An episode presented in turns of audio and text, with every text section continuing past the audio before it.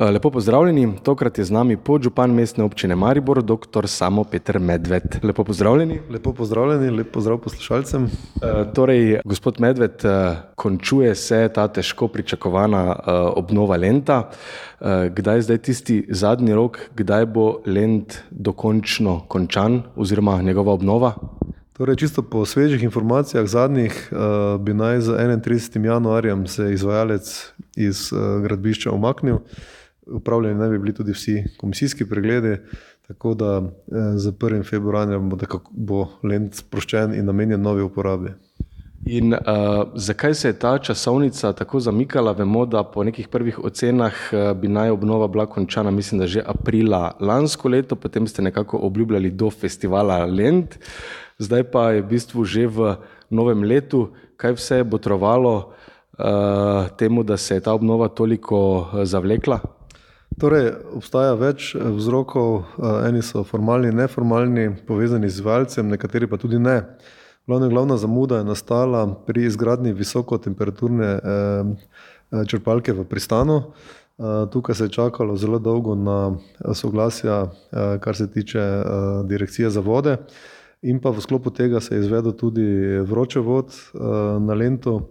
In ta zadeva je pravzaprav zamaknjena vse investicijsko skoraj za dve leti. Uh, tako da je ta investicija predstavljala tudi oviro za izvajalca. Bile so pa tudi še druge težave. Zdaj, uh, če jih samo na kratko povem, pri, bila je izvedena sanacija fekalne kanalizacije na določenih segmentih, potem montaža očitvenih ploč na lovilcih Eh, sanacija križanja s kolektorjem, potem svetila, zaščita obstoječih dreves, sprememba zaščitnih cevi, obetoniranje nizkonapetostnih električnih razvodov, uh, potem določene prestavitve lovilcev olj, uh, določeni jaški, impregnacija, rušitvena dela, tako da in pa seveda tudi zelo neugodno vreme, ki je bilo v lanskem letu, po, je znano po rekordnih padavinah. Tako da veliko je tu bilo vzrokov, v vsakem primeru pa tudi tiste neformalne, uh, rekel, zelo dolgo gradbišče, uh, težave uh, z zagotavljanjem kadrov in tako dalje. Vse to je rezultiralo podobno kot na vseh gradbiščih z določenimi zamudami, ampak zdaj smo tukaj na koncu. Uh, veliko je bilo tudi govora med obnovo lenta o prometu oziroma zaprtju lenta za, za promet. Uh, pa me zanima, zakaj je zdaj na koncu prevagala odločitev, da promet na Lendu vseeno bo? Torej, odločitve še sprejete ni. Uh, vemo, da se je uh, zapirala Koroška cesta, vemo, da imamo težave z prometom na relaciji vzhod-zahod v Mariboru na levem bregu Drave in pravzaprav dokončne uh, odločitve še nismo sprejeli. Celoten lent je izveden v takšni kakovosti, da seveda prometne obremenitve v celoti prenese tudi, tudi najtežje. Je pa med eh, vodnim in sodnim stolpom eh, so izvedeni potopni vali, kjer je možno izvesti tehnično regulacijo prometa. Kakšna bo še se nismo odločili. Eh, mestna občina Maribor je pridobila tudi strokovno prometno študijo o vplivih zapore oziroma gradbišča na Lento v tem času.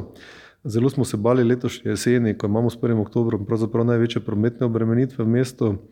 Kar se tega tiče, nas je zanimalo, kako je uh, promet v mestu v tem času potekal. Uh, to prometno študijo so naredili kolegi iz Fakultete za gradbeništvo, promet uh, in arhitekturo skupaj z podjetjem Svaru in tudi Nigradom.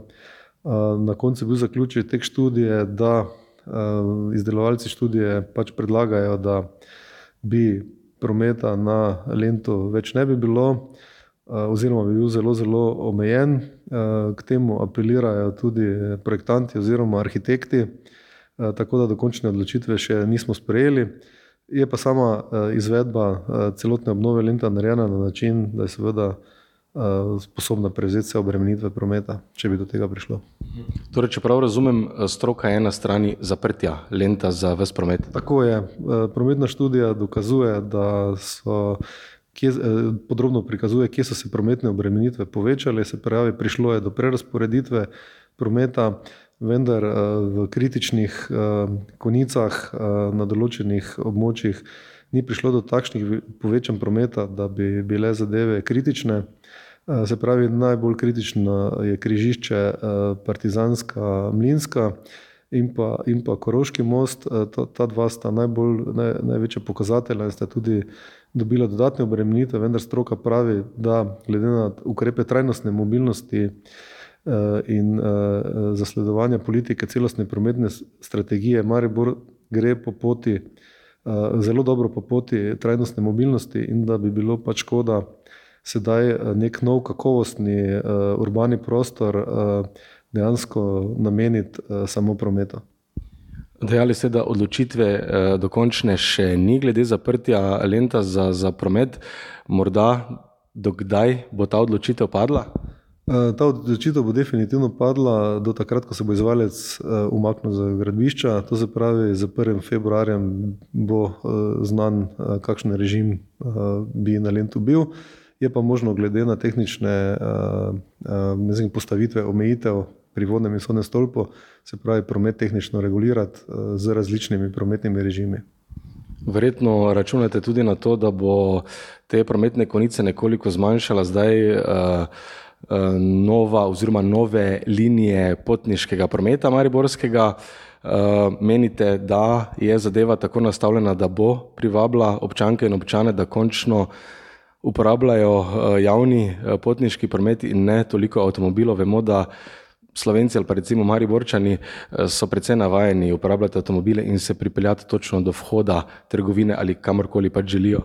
Torej, ena od največjih ta trenutek problemov, ki smo jih imeli z javnim potniškim prometom, je bila povezava med zahodom in vzhodom mesta na levem bregu Drave. Ljudje na področju Koroških vrat so imeli veliko pripomb, da zelo težko z javnim transportom pridejo do območja Univerzitetnega kliničnega centra. Zato so se izdelovalci študije prenove javnega potniškega prometa odločili, da predlagajo linijo osem s potekom po Lentu, ki bi potem lahko pravzaprav povezala zahod mesta oziroma območje Fontane z območjem UKC in Evroparkom, tako da je predviden nov potek linije osem, ki bi naj ta, te potrebe ljudi tudi pokrila. Tako da ta trenutek je predviden, da bi naj linija osem, to je manjši avtobus, imamo v planu nabavo devet električnih avtobusov in da naj bi takšna, takšen avtobus tudi vozil po Lentu. No, pa da se zdaj vrneva nazaj na Lent in ko ste rekli, da bo vozil po Lentu, vsi občudujemo to belo promenado na Lentu, novo promenado, ki je v prvi vrsti verjetno namenjena pešcem. Pa me zanima, ali ni bojazni, da se bodo morda sledi pnevmatik in vsakodnevnega prometa poznalo na tej lepi beli podlagi? Torej, vsekakor se je ugotovilo, kar je bilo tudi pričakovano, da na tem skupnem prometnem prostoru, kot je tudi Lent zasnovan, rekel, s to čudovito belo strukturo, se sploh zdaj, ko je bilo stanje popolnoma sveže, so se poznale sledi dejansko pnevmatik. Vendar se je tudi pokazalo, da tako ultravijolični žarki kot tudi dež učinkovito zadevo spira.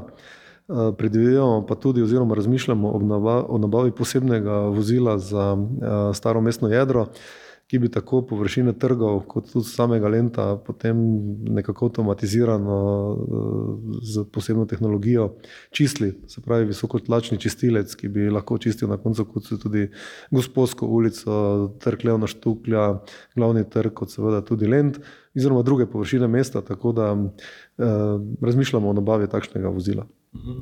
Dejali ste tudi, da površina oziroma podlaga je primerna za vsakodnevne obremenitve prometa, če bi se za to odločili. Nas so sicer naši poslušalci opozorili, da naj bi nekatere te plošče tam pri pristanu bile že nekoliko razmajane ali razrahljane.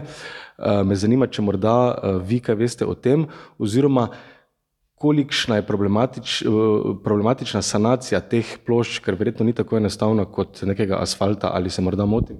Te plošče so izredno velikih dimenzij, tako da o kakem razrahljanju težko govorimo.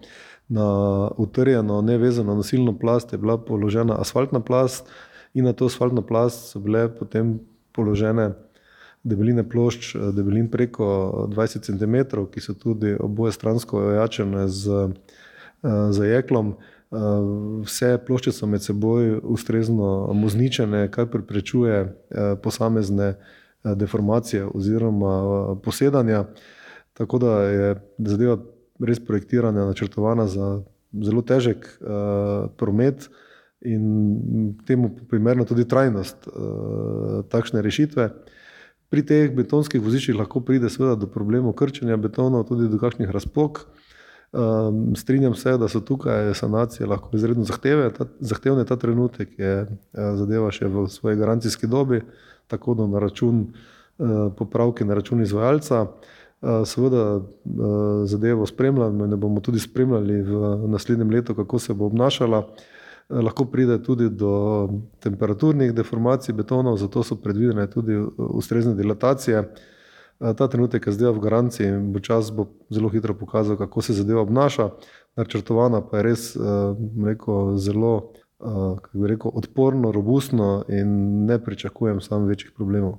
Na koncu bi vas samo, če dovolite, še vprašal nekaj zvezi z širitvijo bele cone na Koroško ulico. In sicer mislim, da tudi tam proti študentskemu kampusu, mislim, da tam študenti niso najbolj zadovoljni s tem, pa me zanima, um, Na podlagi česa oziroma zakaj ugotavljate, da je smiselno širiti uh, to uh, plačljivo cono parkiranja tudi uh, oziroma skoraj da po celotnem mestu in tudi v študentski kampus? Vemo, da recimo študenti niso znani po tem, da imajo dobro finančno stanje.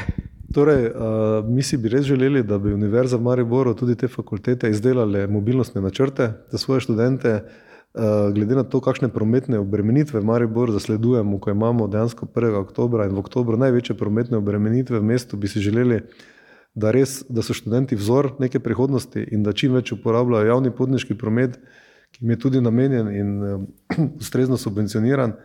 Tako da bi si želeli, da bi, kaj, kar se tiče čim manj uh, študentov, prihajalo z osebnimi vozili v mesto, da uporabljajo tako vlak, kot tudi avtobuse, M-bike, uh, car sharing, se pravi moderne oblike transporta.